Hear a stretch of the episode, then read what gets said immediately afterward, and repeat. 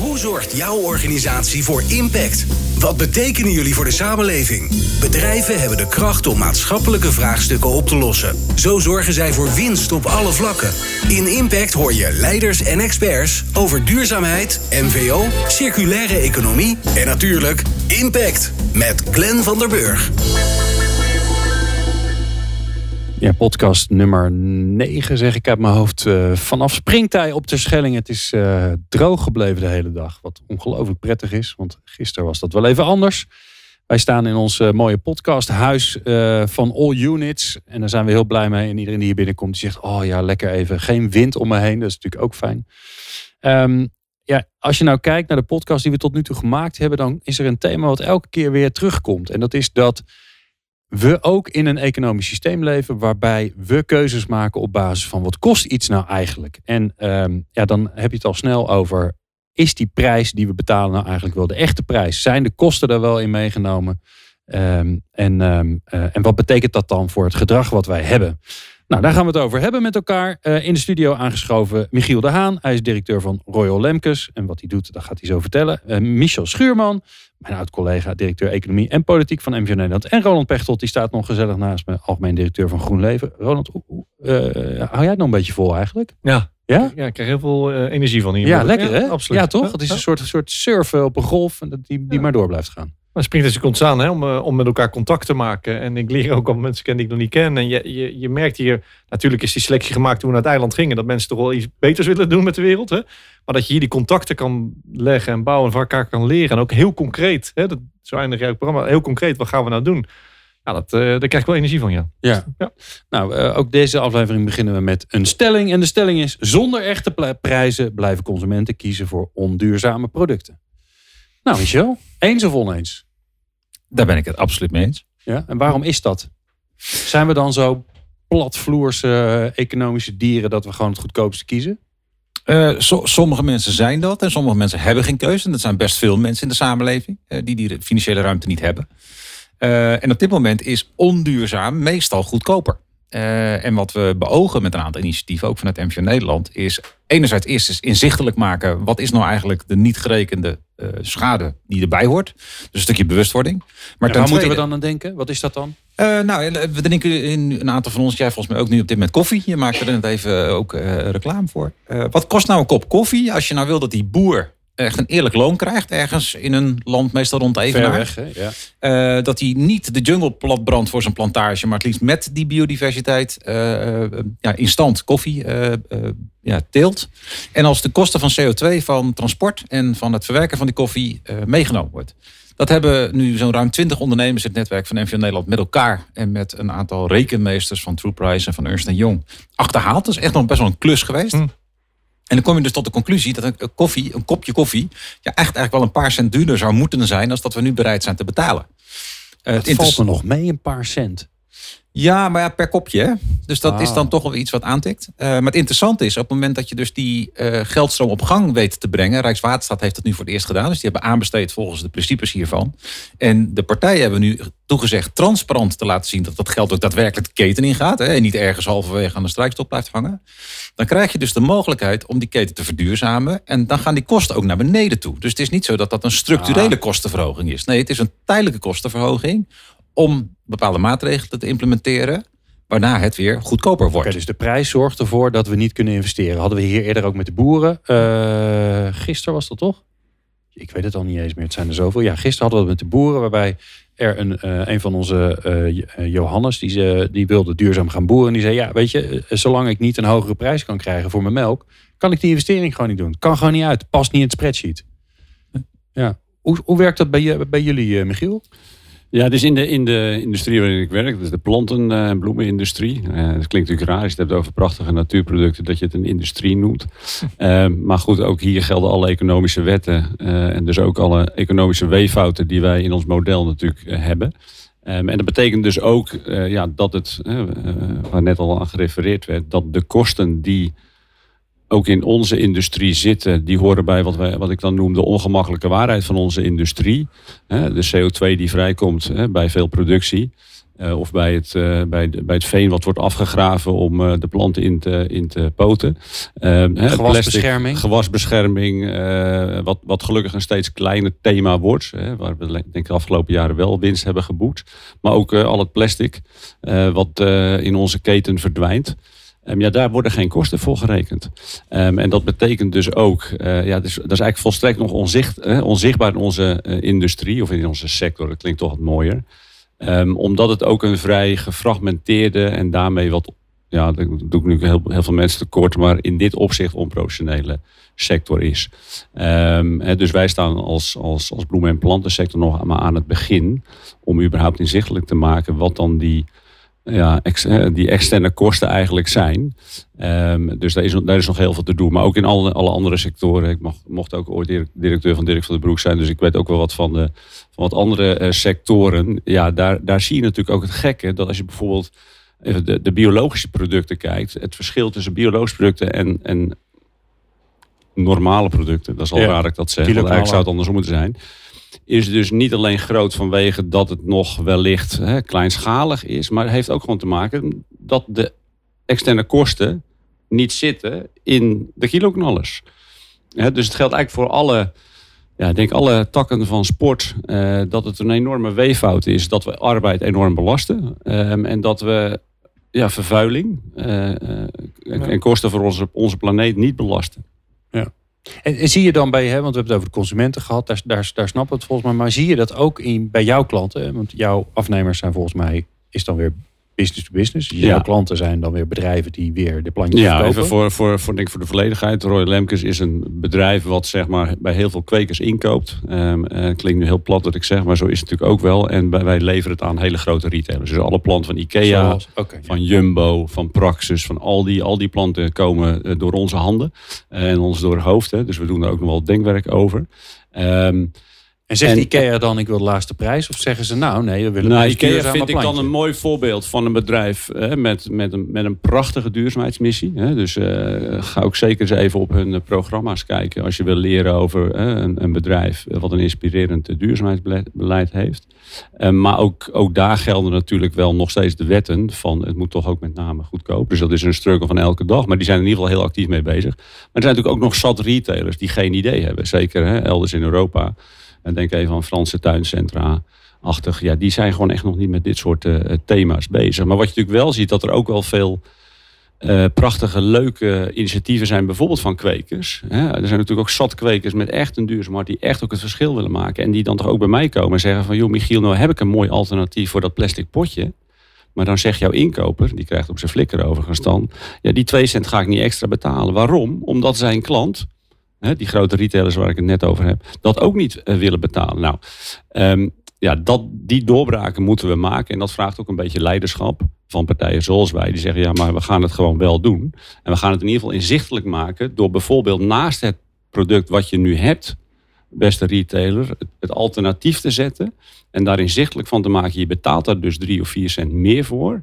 Maar dan hebben we bijvoorbeeld een, een, een, een, klimaatneutrale kast te pakken. En dan hebben we bijvoorbeeld een alternatief potje te pakken. Dus daar zijn we nu mee bezig om dat concept zeg maar uh, uit te werken. Maar, maar dat valt nog niet mee, want die informatie is op dit moment ja, nog maar matig voorhanden. We zijn pas even schokkend om te melden, maar anderhalf jaar geleden had ik de topleveranciers op bezoek. Die hebben we elk jaar op bezoek. En dan praat natuurlijk altijd over duurzaamheid, want dat zit in onze missie.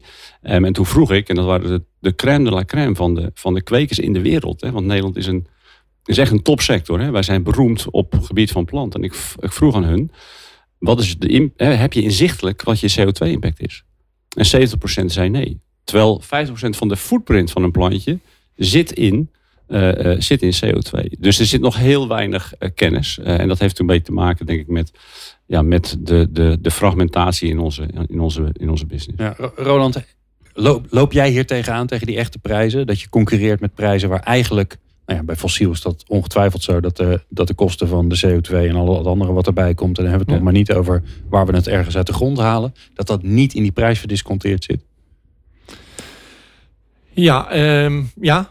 Uh, wij, wij, installeren zonnepanelen, vooral business to business. Ik heb daar ook een vraag aan jou, maar, maar eerst jouw vraag beantwoorden, Glenn. Ja, uh, wij willen wij spelen met, eh, of wij werken met, met eh, subsidiegeld. Hè? Dus ik vind dat de ethische lat heel hoog ligt voor ons. Hoe je met dat geld omgaat. Naast, wij zijn bezig met een maatschappelijk vraagstuk, hè, energievraagstuk. Dus energie plus eens een keer maatschappelijk geld, vind ik dat je meer moet doen dan de wet. Eh, Dat heeft een voorbeeldfunctie. En eh, nou, als je kijkt bij onze werkzaamheden, is natuurlijk het ontwikkelingsding, maar uiteindelijk komen de mensen die komen die panelen leggen.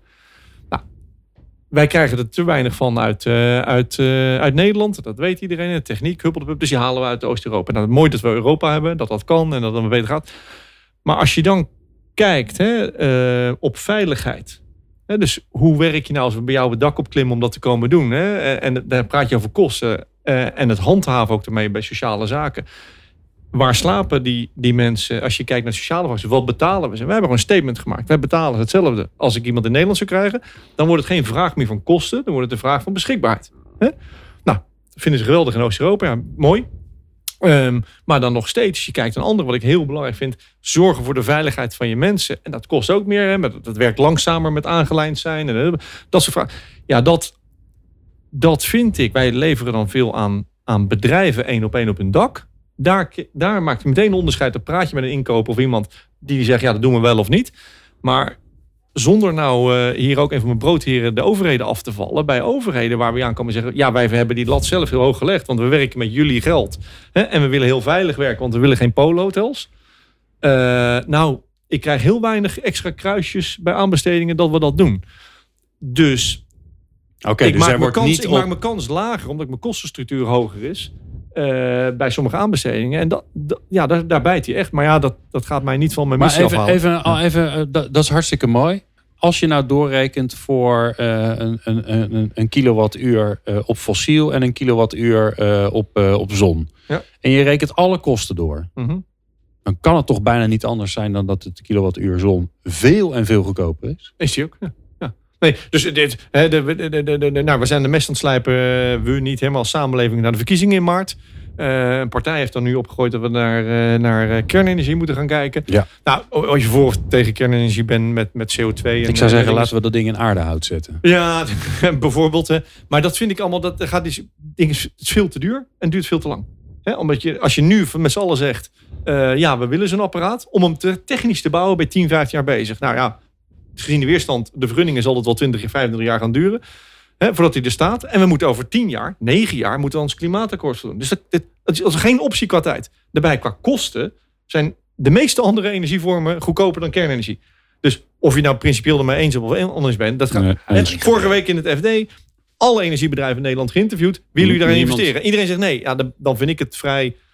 ehm, als je nou praat over geloof in de politiek, deze partij die dit heeft eh, gepresenteerd, ja, geloof ik niet meer. Want partij we was zijn dat ook alweer. Nou ja, ja, dat laat ik hier maar over de, over de eten allemaal niet, maar dat weet iedereen. Nou, klaar. Dus ehm, ja, zon is. is eh, maar ik- maar hier, hier praat je al met een zonneboer. ja, Maar ik wind. ga meteen zeggen, Maar, eh, zon in Nederland. We hebben 950 eh, uren hè, dat de zon schijnt. Je hebt, hoe zuidelijker je gaat natuurlijk even naar... heb je meer, meer zon, dus 2.000, 3.000. Dus nou, we zijn we een echt zonneland. Hmm, hmm, hmm. Ja, zeker als je kijkt naar waar het oppast... en mensen niet te veel lastig valt. Hè. Singapore aan de Noordzee. Hè, dat ge- ruimtegebruik. Hè, agrarisch, wonen, wegen, industrie. Moet van alles gebeuren in ons drukke landje. Ehm, dus we zullen ook hè, wind moeten gaan doen. Ik vind dat je als sector kijkt, ja, we zijn waarschijnlijk goedkoopste, maar je moet er even omgaan. Hoe gaan we, en die resten de regionale energiestrategieën die nu gemaakt worden, zeggen zon, zon, zon, zon. Dus als directeur van bedrijf zeg ik, yes, hè, daar komt de groei. Geweldig ook. Alleen ik zeg er meteen bij, nou ja, wat is de claim op vierkante meters die we hier gaan leggen? Daar moeten we met z'n allen wel over praten. Hè, dus Nou ja, en dan krijg je ook weer hetzelfde, hetzelfde hè, waar het schrik waar we al in zitten. Eh, Reken je dan mee wat er gebeurt met de grond en nou, enzovoort, enzovoort, enzovoort. Precies. Wat is de oplossing? Nou, we hebben gisteren... Michel, als jij nou even met de oplossing komt. Ja, nou, dankjewel. Dat kunnen we. Eh, We hebben gisteren een, eh, een heel beknopt rapportje overhandigd aan de staatssecretaris van Infrastructuur en Waterstaat, uh, Stientje van Veldhoven. Waarin we eigenlijk echt de prijzen een beetje ontrafeld hebben naar perspectief voor, voor drie typen stakeholders. Dus één is, wat kun je als burger? Nou, dat betekent dat als je het kan betalen, dus een, eh, misschien een bescheiden deel van de samenleving, maar een gedeelte kan het, dan kun je dus een andere keus maken als consument. Daar begint het. Vervolgens als bedrijf kun je, eh, wat Michiel net ook al schetst, in ieder geval werk gaan maken van het in ieder geval inzichtelijk maken. Wees nou eens Ja. transparant, ga moeite doen, ga investeren om te ontdekken wat zijn nou onze echte kosten. En eh, eh, eh, nou ja, voor een relatief eenvoudig product als een plant of een koffie is dat al te doen. Wat al een stuk complexer voor een microfoon als de deze, die uit heel veel onderdelen bestaat en uit de hele wereld komt. Maar daar moeten we wel naartoe. Ten derde is het perspectief van de overheid. Uh, en die kun je eigenlijk op twee manieren uiteenrafelen. Aan de ene kant heeft de overheid een rol als, als inkoop, waar ik net even over uh, aan refereerde al. Uh, dat je zegt, je kan als overheid tegen relatief gezien lage maatschappelijke kosten andere zaken die je belangrijk vindt rondom biodiversiteit, rondom sociale inclusie, kun je mogelijk maken. En dat kost je relatief minder als dat je het op de laagste prijs aanbesteedt en daarna nog bij wijze van spreken dat polohotel wat je net schetste moet gaan ja, veranderen. Dat, dat kost gewoon relatief meer. Dus dat is een belangrijke. Het tweede is dat de overheid in haar fiscale regime natuurlijk de voorwaarden kan scheppen, waardoor die echte prijzen ook geïncorporeerd worden. Dat kan relatief eenvoudig in dit belastingstelsel al met bijvoorbeeld aanpassing van btw-tarieven. Dat je zegt, nou als iets transparant is, krijgt het lager btw-tarief. En je kunt, maar dat, dat is dan echt voor een volgend kabinet een herziening van het belastingstelsel. Echt wel gaan schuiven tussen nou ja, bijvoorbeeld belasting op grondstof en vervuiling versus belasting op arbeid. Het ex principe. Dus er zijn eigenlijk voor alle drie de doelgroepen, burger, bedrijven en overheden, echt wel uh, hele duidelijke uh, perspectieven waarnaar je kan handelen. Het is alleen de vraag, hoe gaan we dat nou grootschalig doen? Uh, ik vind het heel positief dat bijvoorbeeld een, een, een, discounter in Duitsland, een supermarktketen, nu begonnen is met het transparant maken van die prijzen. Dus dan zie je. Is het Lidl of Aldi? Nee, het is een. oh, het is de derde die, die het niet. Het is eentje die niet in Nederland, Nederland actief is. Maar die, en dat vind ik wel mooi als discounter gezegd heeft. We gaan in ieder geval nu inzichtelijk maken. in een soort schaduwbeprijzing. Van ja, wat, wat zou het eigenlijk moeten kosten? Dus ik hoop dat dat wel meer leidt tot in ieder geval meer bewustwording. Dat is toch de eerste stap. Ik zie gelijk een soort campagne voor me dat, dat, uh, dat mensen allemaal stiekem op, uh, op verpakkingjes de echte prijs gaan plakken. plakken. Nou, gratis ideetje voor iedereen die denkt, ik zocht nog een leuke campagne. Van nou ja, het een, gebeurt uh, al wel. Hè. De, er is natuurlijk een uh, EOSTA, een heel mooi bedrijf wat biologisch fruit importeert. Um, die dat ook daadwerkelijk inzichtelijk maken. Dus je ziet het al her en der ontstaan. Dus zeker in de foodbranche is het denk ik, dat loopt over het algemeen toch wel wat voor. Ik denk ook dat de overheid nog meer kan doen dan met name het, het, belastingsysteem aanpassen. Want ja, volgens mij zijn alle economen het over eens dat dat sowieso een goed idee is. Dus ik vraag me altijd af waarom dat nou zo lang duurt. Dus ik ben heel nieuwsgierig naar alle programma's van de partijen. Maar ik denk dat de overheid ook wel wat richtinggevend zou kunnen zijn richting het bedrijfsleven. Dat transparantie Um, um, ja, dat dat gewoon belangrijk is en dat daar uh, toch ook wel wat stimulans op komt op industrieën om daar gewoon werk van te maken. Want daar begint het natuurlijk wel mee. Hè. Het begint gewoon eerst met, met inzicht. Uh, en er is heel veel inzicht, maar ja, het, wordt nu nog niet uh, beloond, maar het wordt ook nog niet gestimuleerd. En ik denk dat de overheid daar best wel wat richtinggevend zou, zou kunnen zijn. Ja. Ik hoorde jaren en jaren geleden ondertussen alweer, dat, voorbeeld zit nog steeds in mijn hoofd, uh, dat Puma als een van de eerste begonnen was om een hele keten uh, door te rekenen. En daar eigenlijk achter kwamen van, goh, het, het, meest schadelijke wat we doen, dat is dat leer wat we gebruiken. Is er ondertussen al wat veranderd, uh, Michel? Of zijn we dat voorbeeld nog steeds aan het gebruiken? Nou, we hebben gelukkig meer voorbeelden als, als toen. Want waar je het over hebt is inderdaad 2012. Jeetje zeg. Ehm, maar leidt dat nou tot een echte systeemverandering? Is het antwoord nee. Uh, want het zijn nog steeds individuele initiatieven, de best practices, de pilots, uh, die rondzingen. Uh, en een van de grote hefbomen, en vandaar dat we vanuit NPO Nederland daar ook stevig op inzetten richting het verkiezingsprogramma, in ieder geval de verkiezingsprogramma's, is wat gaat die overheid nou doen binnen het bestaande speelveld, waar Michiel ook refereerde, om of stimuli aan te brengen, of uh, ja, meer met de stok uh, te gaan slaan. Nou, een van de voorbeelden is, we hebben in Nederland een transparantie benchmark. Daar moeten een grote 500 uh, ondernemingen aan voldoen. Er is veel aandacht voor de koplopers. Die krijgen de, de kristalprijzen, noem ja, maar op. Prachtig. Wat minder bekend is, is dat bijna de helft van die bedrijven het niet eens invult. Dus alleen eens gaan handhaven dat ze dat moeten zouden doen. Is dat Nederlands? Dat ze dat zouden, zouden moeten doen. Wat je bedoelt. is al een stap. Uh, tweede is, er wordt veel naar Europa verwezen als het gaat over uh, het aanpassen van het belastingstelsel. Want dan zouden we ons concurrentievoordeel verliezen. En als we dat dan doen, dan moet dat in Europa. Uh, het nadeel is dat dat in Europa unaniem moet gebeuren. Dit is nou een van die aanpassingen, want belasting is een soeverein iets van elke staat. Dat als we dat met z'n allen zouden, dan moet het ook unaniem aangenomen worden. Nou, de kans dat dat gebeurt is relatief klein. Dus krijg je een soort catch-22 situatie waarin we als individueel land zeggen van ja, dat moeten we met z'n allen doen. En met z'n allen gaan we het nooit doen.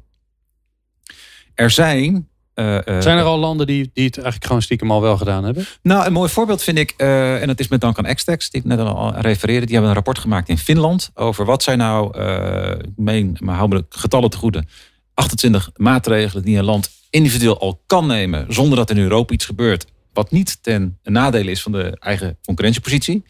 En vanuit het rapport zijn in het kabinet nu 18 van die maatregelen overgenomen. Dus Extex is nu bezig om een rapport te maken voor de Nederlandse samenleving. Dat moet begin november klaar zijn. Dan kijken we ook al rijkhalsend naar uit. Want dan krijg je dus hele concrete handelingsperspectieven die Nederland in kan voeren. zonder dat dat uh, de concurrentiepositie van Nederlandse bedrijven benadeelt. Ehm, toch nog tot slot. Uh, er wordt best wel veel gesproken nu ook over. Ja, we moeten aan randen van Europa dan niet uh, compensatiemaatregelen gaan brengen. Want als we dat als Europa zouden doen, ja, dan hebben we nog steeds in de wereld een, een concurrentieel uh, verschil. Een van die dingen is dan de, de Carbon Border Adjustment Mechanism. Dat Tuurlijk. zegt eigenlijk, als we CO2-heffing gaan doen, dan moeten we dat wel ergens naar China of naar Zuid-Amerika kunnen verdisconteren. De tegenbeweging zegt, en die is ook relevant om hier in ieder geval te noemen, van ja, maar wacht even, dat doen we toch op andere zaken ook niet. Want juist als we een concurrentieel voordeel gaan halen hieruit, dan, wil, dan willen we toch niet dat we dat aan de grenzen gaan compenseren. En dat doen we ook niet met, met, met lage lonen constructies. Dus waarom zouden we dat met CO2 dan in één keer wel willen doen? Dus we kunnen ook eens een keer die gedachte-experiment doorvoeren en zeggen van, maar wacht even, als het ons nou een voordeel oplevert, dan moeten we misschien nu wel investeren. Maar het levert ons gewoon een concurrentievoordeel op. En er kunnen toch niet veel mensen tegen zijn, zou je zeggen. Precies, er zijn ook al veel bedrijven. Uh, en, en, Puma is daar eentje van, die daar toch wel de eerste bewijslast voor geleverd heeft. Ja. ja. Ik kijk naar Roland, want die is altijd mijn. Uh, want als, hij, als ik naar jou kijk, dan weet je, oh, hij wil naar de laatste vraag. Dat, zo werkt het dan met een sidekick. Precies. Ja, of had je dat nog niet door? ik had een halve privévraag. Uh, of, je, hebt nog, je zoekt nog plantjes. Ja, ja, nou dat zocht ik dus. En toen vroeg ik, dat, dat koop ik regelmatig voor mijn vrouw, mijn moeder. En ik, ik vroeg, joh, ik, ik, rozen. Maar ik wil, ik wil niet dat ze uit uh, Kenia zijn gevlogen. Dus ik vroeg gewoon die bloemist. Maakt niet uit, maar, maar heb je ook andere? En, en die keek me een beetje aan. Ja, god, een veiling. Ik weet niet waar ze vandaan komen en zo. En dus ik ken de prijseliciteit van bloemen niet. En, en, en ik weet niet wat de kostprijs is. Maar, maar je had het net, vond ik heel goed, uh, goed, Michel. Je had het over, ja, sommigen kunnen dit zich veroorloven, sommigen niet. Nou, volgens mij zijn bloemen geven, dan kom je aan de categorie mensen nou, die wat mhm. over hebben, want het is toch een beetje een luxe ding is dat een kans dat je een, een trekkracht gaat maken? Ik weet het gewoon niet. Hè? Maar dat je mensen zegt, nou, deze bloemen, bloemen komen uit uh, Kenia vliegen. Zeker. Hè? Zo. En deze zijn hier geteeld in Nederland, anders eurotje meer, weet ik niet. Hè? Maar... Ja, ik moet wel zeggen dat, dat uh, ik ben van de planten. En uh, ik vroeg ooit aan Ikea, joh, uh, waarom doen jullie geen bloemen? Dat was een briljant inzicht. En toen zei hij, ja, maar dat zijn geamputeerde planten. Oh. Dus ik ben eigenlijk ja. een voorstander om planten te kopen met bloemen. Die gaan over het algemeen veel langer mee dan bloemen. Nou, Mijn vrouw heb ik nog niet helemaal overtuigd. Maar even terug naar, jou, naar jouw vraag. Ik weet dat toen ik directeur van Dirk van den Broek was, begonnen wij met bloemen. En toen hoorde ik dus dat wij die bloemen uit Kenia halen. En ik was in totale shock. Nou had ik goede relaties met Milieu Centraal. Die heb ik toen gebeld. Um, en gezegd, joh, dat is toch gekkigheid. Waarom is het niet beter in Nederland? En toen zeiden ze, nee, het is niet beter in Nederland. Dat zegt dus overigens wat over hoe slecht het is in Nederland. Met andere woorden, hoeveel energie er in die kassen gedouwd wordt. Dus de footprint van een roos uit Kenia zou zomaar eens lager kunnen zijn. Ik weet niet waar we nu staan. Ten opzichte van een roos gekweekt in Nederland. Het zou natuurlijk anders worden op het moment dat we ervoor zorgen dat die kassen volledig door zon qua elektriciteit en door aardwarmte qua, hè, dan krijgen we ook weer dat misschien wel we weer hier meer gaan produceren. Wat dan weer vervelend is voor de werkgelegenheid in Kenia. En zo is de wereld best wel eh, complex. Uh, maar helemaal goed antwoord op jouw vraag kan ik niet geven. Maar af en toe bloem aan je moeder geven zou ik gewoon blijven. planten. Planten dus. Planten eigenlijk nog planten. Ja, planten. en dan weet je, ook nog, je weet nu ook waar je ze moet kopen. Maar dat zal ik niet meer zeggen. Ja, en dan roze planten altijd vernoemen. Hè? Dat is leuk. Oh ja, daar staat mijn dochter. En uh, ja, altijd heel gezellig. Alright, we gaan naar de laatste vraag. De laatste vraag die we iedereen stellen is... Het is 2021. We kijken terug op het komende jaar. Uh, we zijn weer op springtijd. Leuk dat jullie er weer zijn. Zoals altijd, uh, vanavond gaan we weer een klein drankje doen. Een duurzaam drankje. Uh, Michel, wat is het spraakmakende wat je voor elkaar hebt gekregen in het komende jaar? En ik hoop gefeliciteerd dat wij, alvast ermee. Ja, dankjewel. Nee, ik hoop dat wij als MV Nederland hebben kunnen laten zien dat er in Nederland echt duizenden ondernemers en ondernemende mensen zijn. Die vaak niet het achter uur Ja, nee, ho, stop. Ho. Oh. Nee. Ja. Nee, nee, nee. Jij. Ja. Ja, nou ja, Michel uh, dat is mijn rol bij NVO Nederland. Ja, ik heb bord nee, hier in mijn handen. Wij, minister van de Nieuwe Economie. Nee, ik wil het van jou weten. Waar ga jij nou? bedoel, je doet duizend dingen en jullie doen met NVO Nederland nog ja? veel meer duizenden dingen. Ja, het is jou gelukt. Ja, maar dan blijf ik toch hetzelfde antwoord geven. Want, uh, en, en, dan ga ik dan maar even naar mezelf toe praten. Maar ik heb deze zomer met collega's, dan toch samen, uiteindelijk het standpunt ingenomen. De verkiezingen Nee, het regeerakkoord gaat duurzaam worden als de middenpartijen het comfort krijgen dat er een groot deel van de Nederlandse samenleving, die nu vaak geen stem krijgt, want het gaat alleen maar nog maar in de media over de uiterste, dat die voor verduurzaming zijn. Waardoor ook zij denken, oké, wacht eventjes. Ik kan met respect voor mijn achterban echt wel vergaande verduurzamingsmaatregelen nemen. Dus ik ben heel blij als wij in staat zijn geweest om dat stille midden een stem te geven. Oké. En, en jij, samen met collega's natuurlijk, hebt daarvoor gezorgd. Ja. Volgend jaar. Met de campagne minister Ja. van de Nieuwe Economie. Heel goed. In Jinek geweest. Op de, eh, overal. eh, kijken daar nog mensen naar? Ja, vast wel. Wie? Ja, nou die. Anders ben ik leuk. Mooi. Ja, ja anders bij mij is ook altijd gezellig. Michiel. Ja, het is een beetje saai, hè? want het moet natuurlijk samen. Nee, nou, ik heb nee, paar, twee weken samen. geleden Nee, heb ik, heb ik, hadden wij Duurzame. Donderdag. Dat organiseren wij elk jaar. Hadden we Jan Terlouw eh en, en Wiebe Draaier onder andere. Ik had ook alle concurrenten uitgenodigd eh, uit onze sector. Omdat ik ook echt wel geloof in samen. Zeker eh, als je het hebt over duurzaamheid. Laten we daar vooral niet op concurreren. En ik hoop, en daar ga ik me hard voor maken... dat wij als sector volgend jaar hele heldere eh doelstellingen hebben gezet op eh, alle plastic in onze sector. Dus we echt gaan zeggen van, hè, ik heb een droom dat we alleen maar planten verkopen in 2030 die een positieve bijdrage hebben aan het klimaat. Nou, daar moeten we een aantal stapjes voor maken. En volgend jaar moet de doorbraak komen op plastic. Mooi. Ja, heel mooi. Ik Kijk even of iedereen het ermee eens is. Ja, ja mooi genoeg. Kan je niet op tegen zijn. Roland, de vijfde keer dat ik het je vraag. Het lijstje wordt steeds langer. Eh, daar is hij weer. Jawel. Ja, je maakt er een mooi jaar van voor mij. Actiepuntje nummer vijf. En ook aan het eind van het gesprek moet ik dus weer iets opkomen wat spraak. Maar nee, spraakmakend is hij niet, maar hij is wel heel concreet. En spraakmakend voor ons is dat wij, we gaan verhuizen eh, van Heerenveen naar Leeuwarden. Omdat we kaart gegroeid zijn, ander pand. We wilden, eh, daar een bepaalde filosofie erop wilden. Eh, geen nieuw pand ontwikkelen. Dus moest bestaan, moest vlakbij het openbaar vervoer, vlakbij sportfaciliteiten, onze medewerkers, gewoon alles erbij gedaan. Hè? Zonnepanelen, parkeren, laadpalen, de hele bende. Nou, dat is vind ik al spraakmakend dat we dat doen op een bepaalde manier en, eh, en, en doen wat je, wat je predikt.